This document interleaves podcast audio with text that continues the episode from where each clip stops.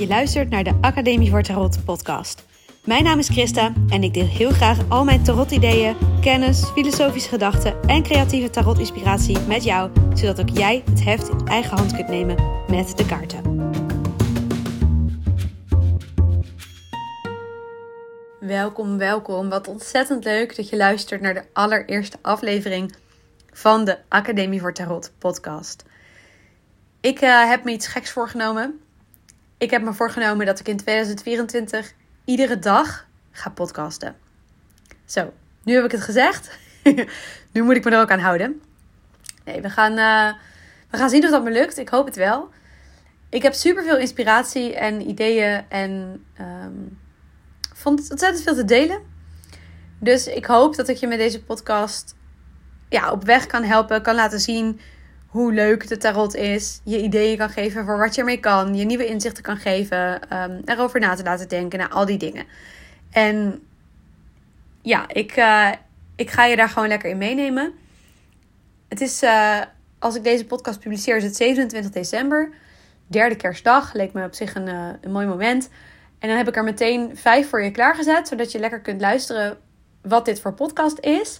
En dan vanaf 1 januari ga ik iedere dag eentje online zetten. En uh, vandaag wilde ik ook gewoon lekker een onderwerp induiken. En wat ik wilde bespreken is: wat brengt tarot je of mij? Wat heb je nou eigenlijk aan tarot? Ik denk dat dat best wel een essentiële mooie vraag is om, uh, om mee te openen. Uh, een vraag die iedereen die luistert ehm, ja, misschien al wel voor zichzelf beantwoord heeft. Maar misschien heb je nog niet echt een idee. Ben je nog zoekende? Ben je geïntrigeerd door die kaarten? Maar heb je zoiets van, nou ja, uh, ik weet nog niet zo goed wat ik ermee kan. Dus ik wilde heel graag een beetje vertellen wat ik concreet aan de kaarten heb. En wat ze voor mij nu betekenen of voor mij doen. Um, een heel bazaal of alledaags iets waar ik de kaarten voor gebruik, is voor het nemen van kleine beslissingen.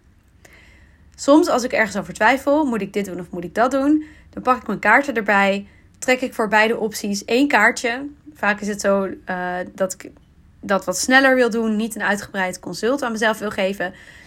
En dan gewoon heel even die kaarten gebruiken van, oh ja, even op een andere manier kijken naar de situatie. En kijken of dat een soort doorbraak kan geven in mijn gedachten. Want ik ben iemand die van zichzelf heel erg veel kan twijfelen. Heel erg veel voor's en tegens kan blijven afwegen. En soms wil je gewoon even gauw een knoop doorhakken. En juist de wat minder belangrijke dingen, zeg maar, beslis ik op die manier.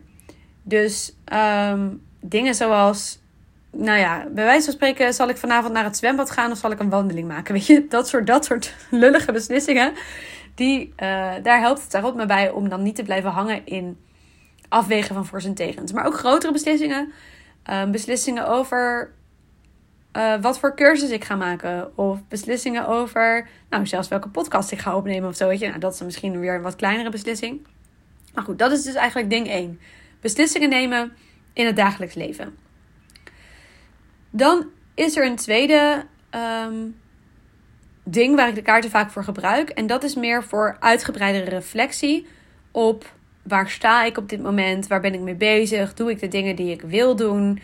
Um, en welke richting wil ik mijn leven geven? Echt even een momentje van bezinning. Waar sta ik? Waar ben ik? Wat ben ik aan het doen? Um, hoe zit ik in mijn vel?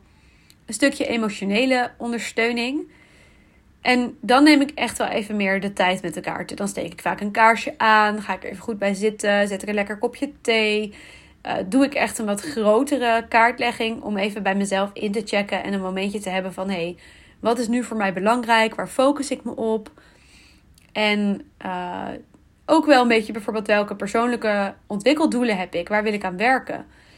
Uh, een groot thema is uh, geweest bijvoorbeeld dat ik wilde werken aan meer mezelf zichtbaar maken. Laten zien wat ik met de kaart aan het doen ben. Toen ik net begonnen was met de Academie voor Tarot, vond ik het eigenlijk nog best wel lastig om mezelf een podium te geven. En nou ja, nu ben ik deze podcast begonnen, dus dat geeft wel aan dat ik een heel eind gekomen ben. Maar ik gebruik dus de kaarten om dat soort persoonlijke ontwikkeling te zien en vorm te geven.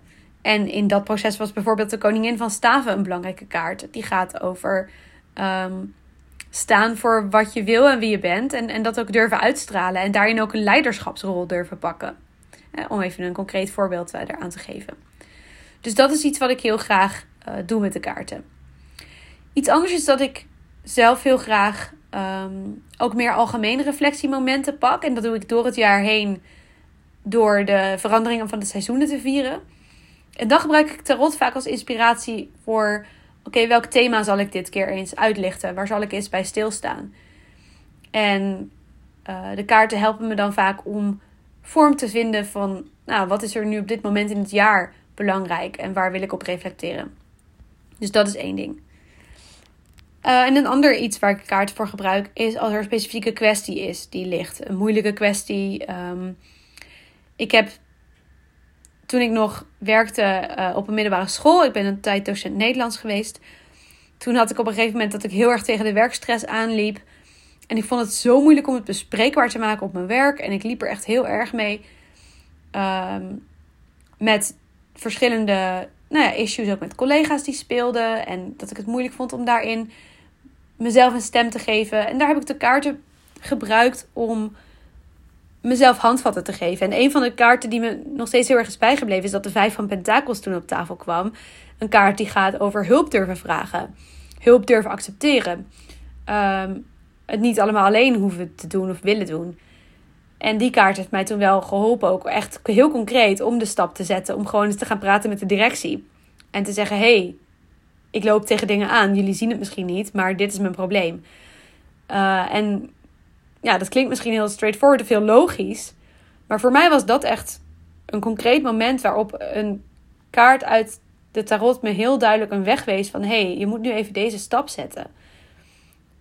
En ja, in die zin helpt tarot mij dus zowel voor de grotere dingen, de, de persoonlijke ontwikkeling, als meer de, echt de issues die spelen. En die dingen hangen natuurlijk ook samen, want je, je ontwikkelt je persoonlijk door, door de dingen die je meemaakt. En ja, met dit pakje kaarten op zak als het ware, heb ik een soort houvast om bewuster over dingen na te denken, bewuster met dingen bezig te zijn. En dus ook bewuster in te tunen op: hey, hoe gaat het met me? Waar sta ik? Wat wil ik? En dat vind ik echt de kracht van de kaarten. Dat ze je de mogelijkheid bieden om vanuit een soort nieuw gezichtspunt, even vanuit een andere blik, namelijk vanuit die blik met de kaarten, een nieuw licht te werpen op een situatie waarbij je jezelf zo kan vastdenken. Terwijl die afbeeldingen, ja, die roepen een soort wereld op waarin je meer in verbinding staat met jezelf. Op een, op een best wel spiritueel diepe niveau. En ik vind het zo leuk ook aan de kaarten dat ik juist die verschillende niveaus kan ervaren. Dat ik dus soms even heel kort, even één kaartje, even inspiratie, even hup door. En dan is het echt heel praktisch.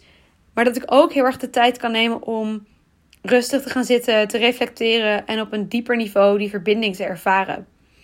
En verbinding bedoel ik dan eigenlijk de verbinding met mezelf en met, met wie ik ben en wat ik wil.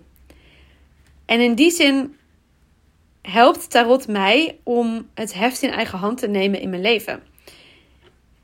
En daarmee bedoel ik dat ik dus bewust mijn beslissingen neem. En heel uh, in plaats van dat ik een beetje klakkeloos door het leven ga en dingen komen op mijn pad en dan gebeuren de dingen in het leven en dan gaan de dagen maar door. Geef daarop mijn houvast om stil te staan en zelf te bedenken met die kaarten van hey, wat ik nu aan het doen ben, is dat inderdaad waar ik gelukkig van word? Is dat de richting die ik mijn leven wil geven? En daardoor heb ik het idee dat ik mijn leven ook betekenisvoller kan inrichten.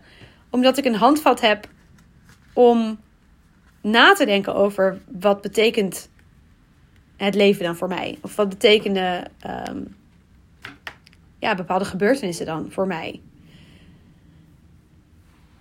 Oké, ik, uh, ik hoop dat ik niet te veel nu ben afgedwaald. Um, maar ik wilde vooral eigenlijk verschillende ingangen met je delen. Van hey, je kunt dus die kaarten op heel veel verschillende manieren gebruiken. Om te onderzoeken ja, hoe je um, beslissingen mag nemen, hoe je in het leven staat.